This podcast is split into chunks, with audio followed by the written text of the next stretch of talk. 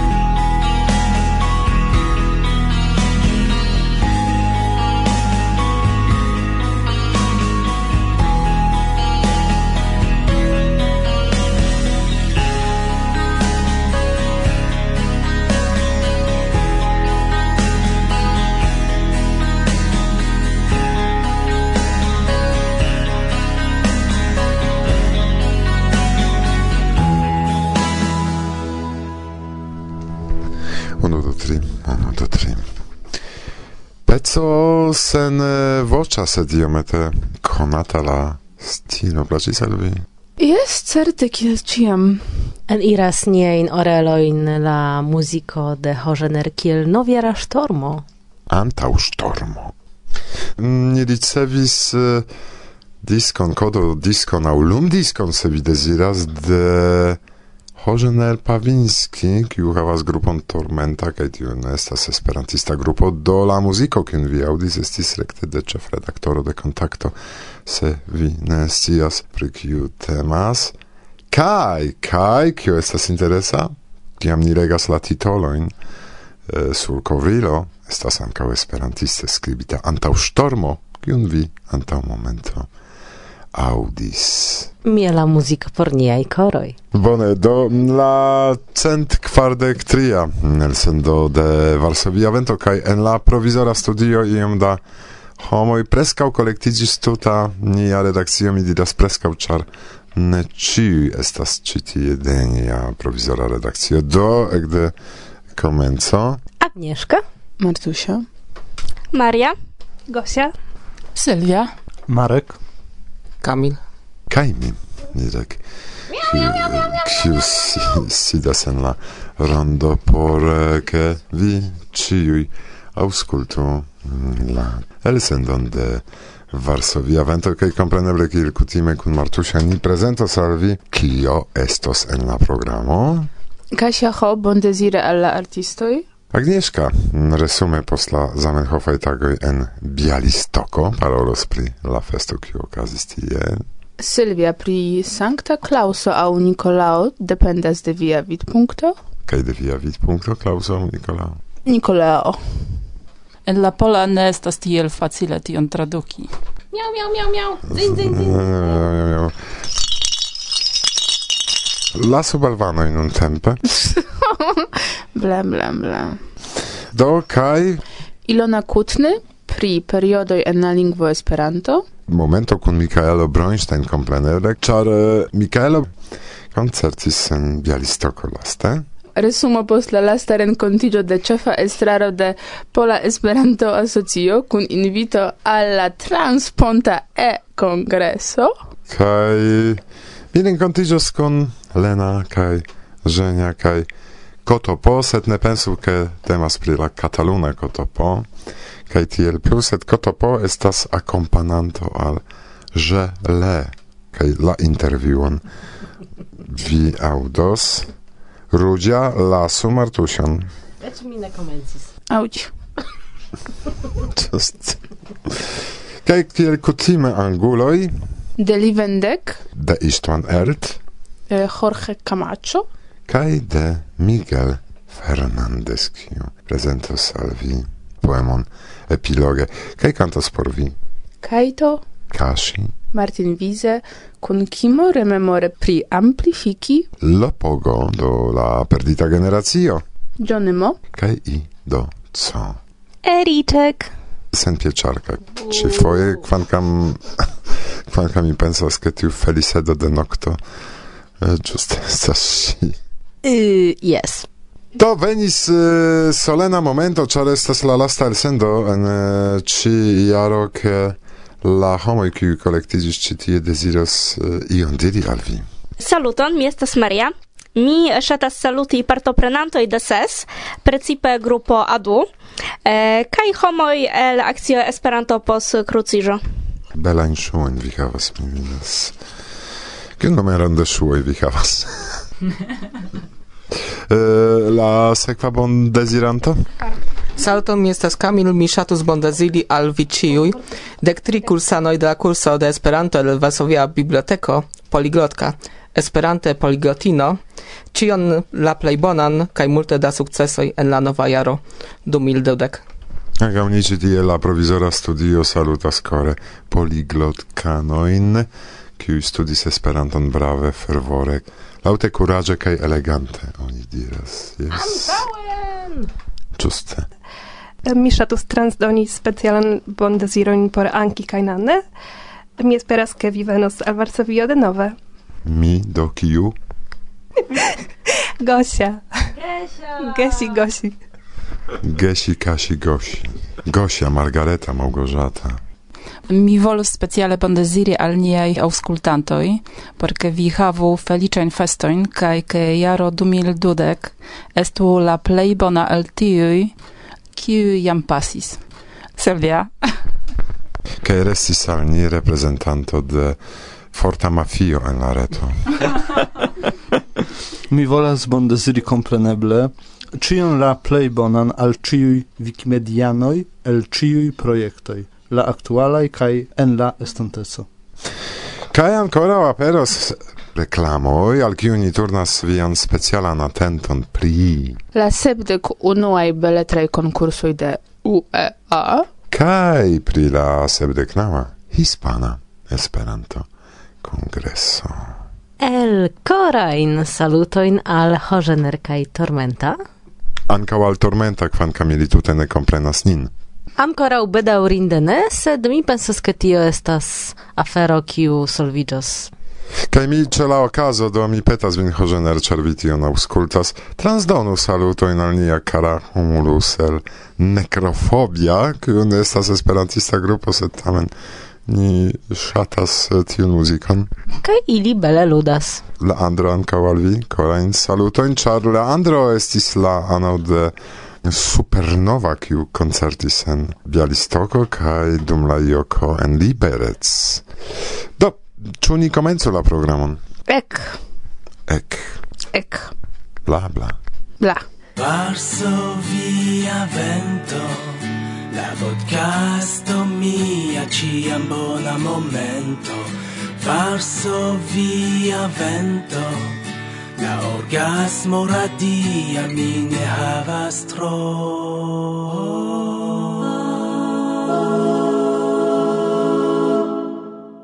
Saluton, ci tie Kaŝaho. Okaze de alvenantaj festoj, inter ili compreneble la nova jaro, elkore mi shatus danki alla artistoi artistoj kiu ĉiare iĝis grava parto de nia redakcia vivo. Mi esperas, che tiui musicistoi successis travivoion ancau al viei coroi. Chiara, Guillaume, Kaito, kai Kashi. Dankon pro via creemo, laboro kai cantado. Tio ne ec estus ancau sen grava penado de vinil cosmo. Dankon flo, pro via coro al evoluo de nia musica culturo. Ne ciui artistoi presentis sian musicon ciare ce Varsovia evento, sed dankon pro la contribuo de vi ciui, nome de esperantistoi de la tuta mondo. Eh. Do, en la sequanta canto temas pri poeto kiu jus travivis am aventureton. Kai poste verkas la texton kiu sekvas. Kai en la texto gi diras mi memoras La ponteton, mi memoras la lunon kaj la bildon en la akvo, tamen mi ne memoras vian nomon. Kaj eĉ mi ne memoras vian bildon. Kaj eĉ se ni estis sinceraj je tiu momento, mi ne memoras vin. Tamen mi neniam forgesos la odoron de la lonicero flor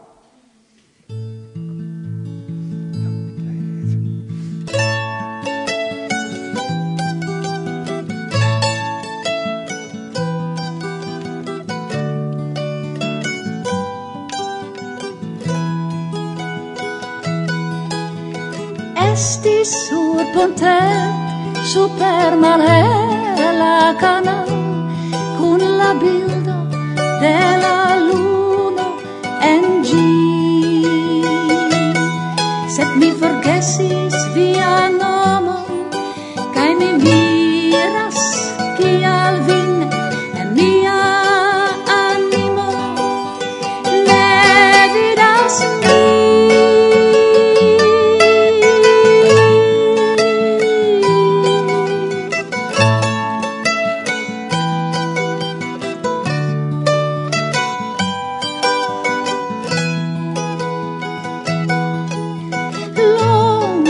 malsufiĉe en bracumo estis ni la unu sub de la alia in influ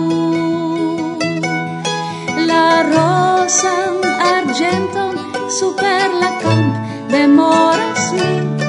Sed la koloro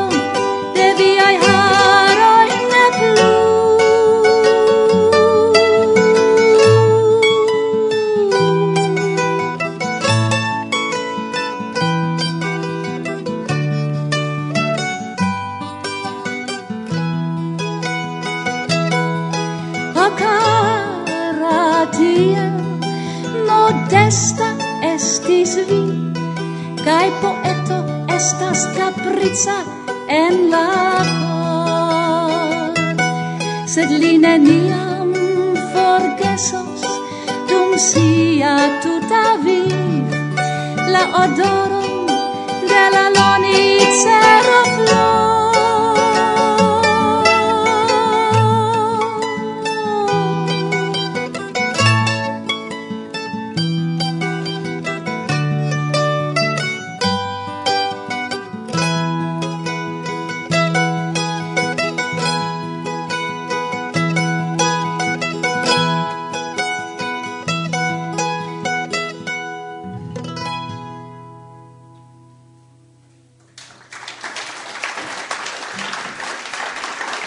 Dankon.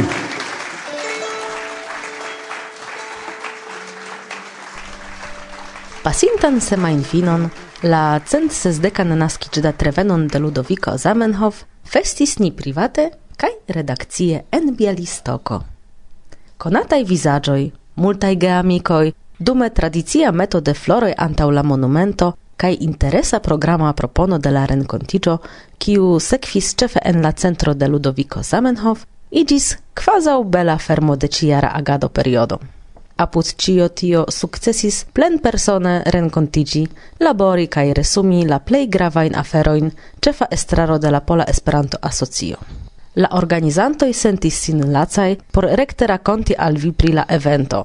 Nemire, char partoprenis gin multae homoi el calcai landoi, tamen anstatuigos ilin ni, redakcie, Nenion do vi perdos krom sono de iliaj elĉerpitaj voĉoj. Programe, inter aliaj, Roman Dobrzyński rememoris tre interesan kaj grandan eventon la Ukon el 1912 en Krakovo, dum kiu inter alie prezentita estis Esperanto Halka Opero, fragmentoj de kiu povis ni dankal Felix Gałecki, solisto de Nacia Operejo en Varsovio. Tomasz Chmielik kun Mikaelo Bronstein enkondukis nin en la literatura mondo prezentante ne nur la eldon novaĵojn. Sian poezion prezentis ankaŭ Halina Kropatnicka Salamon, al kiu kantante akompanis kiel ĉiam brava Kashi. Nina Pietuchowska prezentis al ni konatajn kaj nekonatajn bialistokanojn, kaj la vesperon finis koncerto de Mikaelo Bronstein, kiu inter kantoj prezentis ankaŭ siajn poemojn tradiciai regionai mangioi, interesa libro servo kai expozicio de unikai fotoj pliricigis la programan proponon. Nur la vetero evidentigis iom malamika, char dum la excurso en la urbon kai ce la monumenta ceremonio iom pluvis. Vagadis ni tra la urbo, cun forta sento penso, ke cent de jaroj antaŭe naskiĝis en engi giuste tiu dank al kiu ni comprenas nin internacie, por ke poste jam ekstre programe renkontiĝu en la Bialistoka klubejo kaj amikumado ĝis la nokto nokto fin. Jen! Kompreneble, ne pri ĉiuj programeroj ni menciis, se vi interesiĝas do, kio okazis en Bialistoko, serĉu kromajn informojn en la reto. Ni esperas, ke ankaŭ vi bele pasis tiun ŝajne la plej gravan feston esperantistan – Kai, char ne planis ni crei sonan raporton, reehon de la rencontigio, vi rencontos ancorau en la sekvaj elsendoj forme de la koncertaj registraĵoj kaj intervjuoj. Dankon, Agnieszka.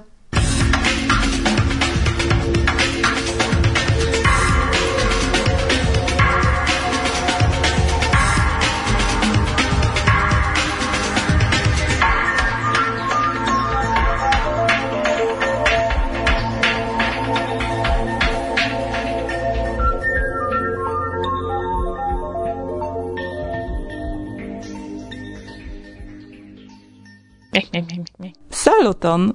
Mi estas Silvia kaj mi invitas vin al angulo de Livendek. En la quarpa poemaro Ibere Libere verkita de Gonzalo Neves, Georgo Camacho, Miguel Fernández kaj mi mem Livendek mi legos Alviro nomata Susana.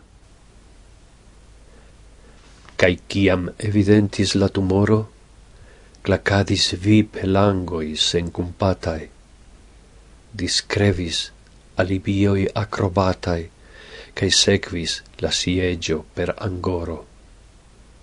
Ferozis lante gute la rigoro, minazis voioi raspai cae malglatai, passioi oceanis onde hatai, en streta, sen revena corridoro cae fugis homo fore l'ostracismo, drivante sur la egio de trancilo, chaosen tra marasma paroxismo. Cae snuro, nodo, stranga oculbrilo, redemptai elementoi cel abismo, farigis ombro, ce la pendumilo.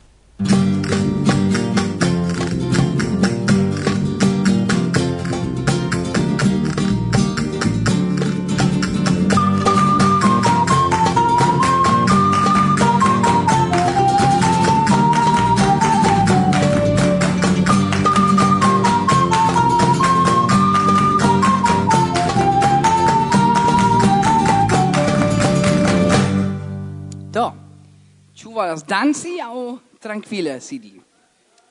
Danci? Bone. Ambau. Ambau. Ok, vi ricevas ambau.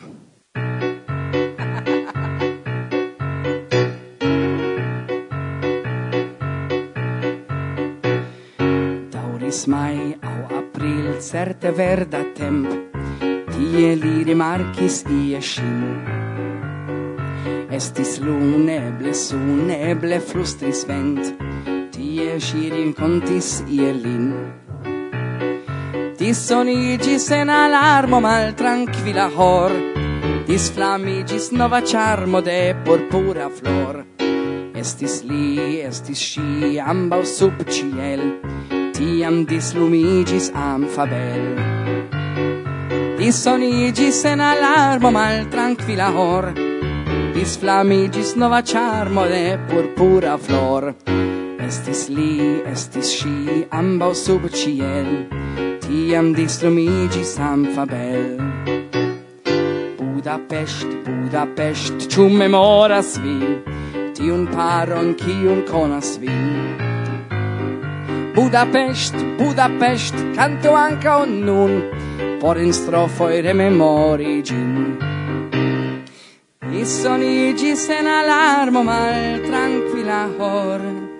Is flamigis nova charmo de purpura flor. Hey! Estis li, estis si, amau sub ciel Tiam dislumigis amfa bel Dissonigis en alarmo mal tranquila hor. Disflamigis nova charmo de purpura flor.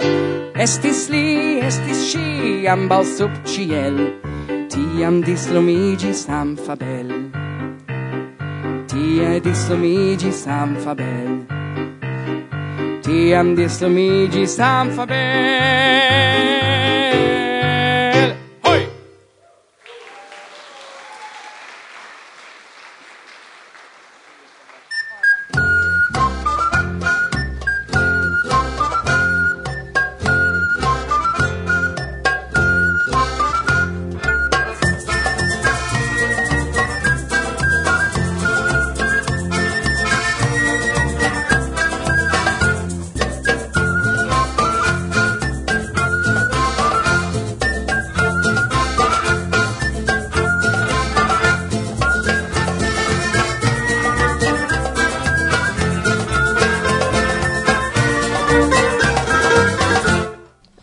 via vento.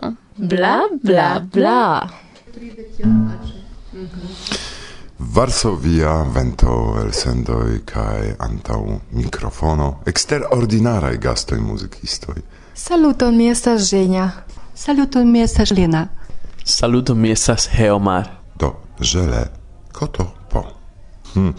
Mi venis iam al concludo che homoi acceptas muzikon, movigas, dancas, sed ne vere comprenas pri kio artistoj kantas, kion ili deziras mesaĝi, kion ili deziras donaci alla publiko. Do eble por bona komenco ke la aŭskultantaro eksciu ke temas fakte pri musico, ludon ion por ĉiuj en la mondo. Uno el unue canto de Gile estas salut al vi amicoi. Salut al vi amicoi. Estas canto el ocdecai jaroj kaj kiam ni komencis antaŭ dek jaroj kune kanti. Do tio estis unua nia canto per kiu ni malfermis nian unuan koncerton antaŭ dek jaroj.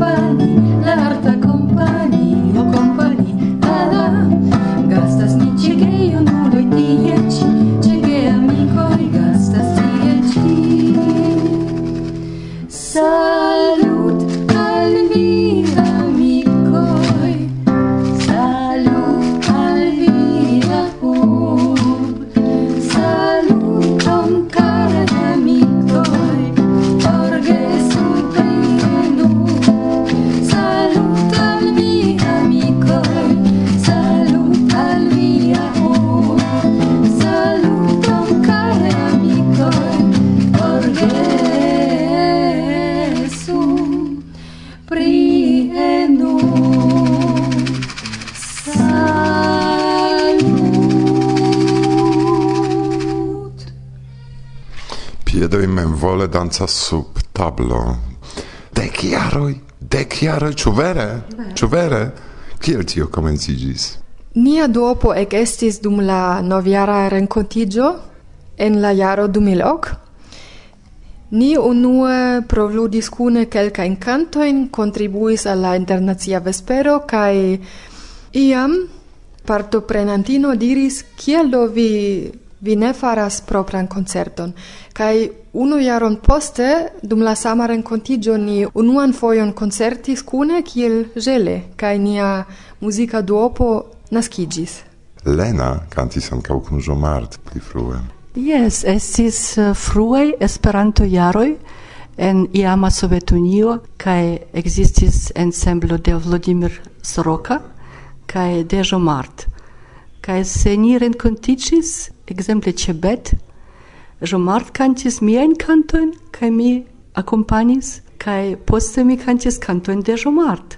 Se Natasha ne ĉe estis. Do estis eble en la jaro okdek sep, okdek ok historio. Al eh, Vaładia Soroka kaj al Jomart eh, ni deziras multe da sano speciale al Jomart, ĉar laste li havis iom da problemoj. Jomart, resaniĝu kaj ni parolas pri la mm, mesaĝo kiun vi kaŝas en la tekstojn. Reklamo.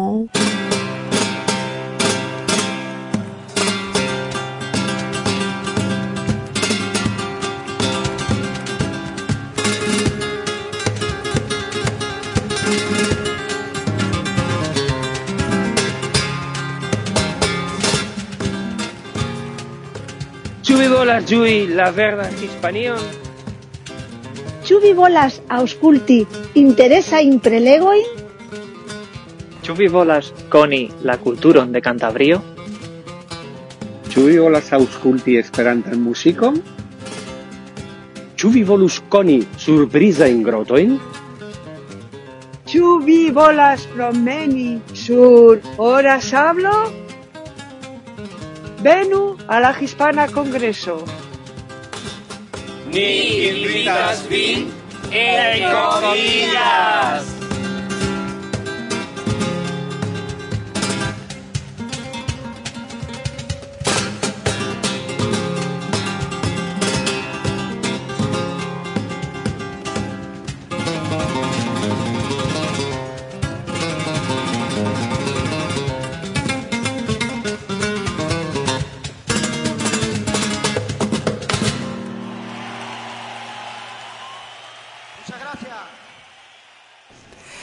Varsovia vento bla bla bla.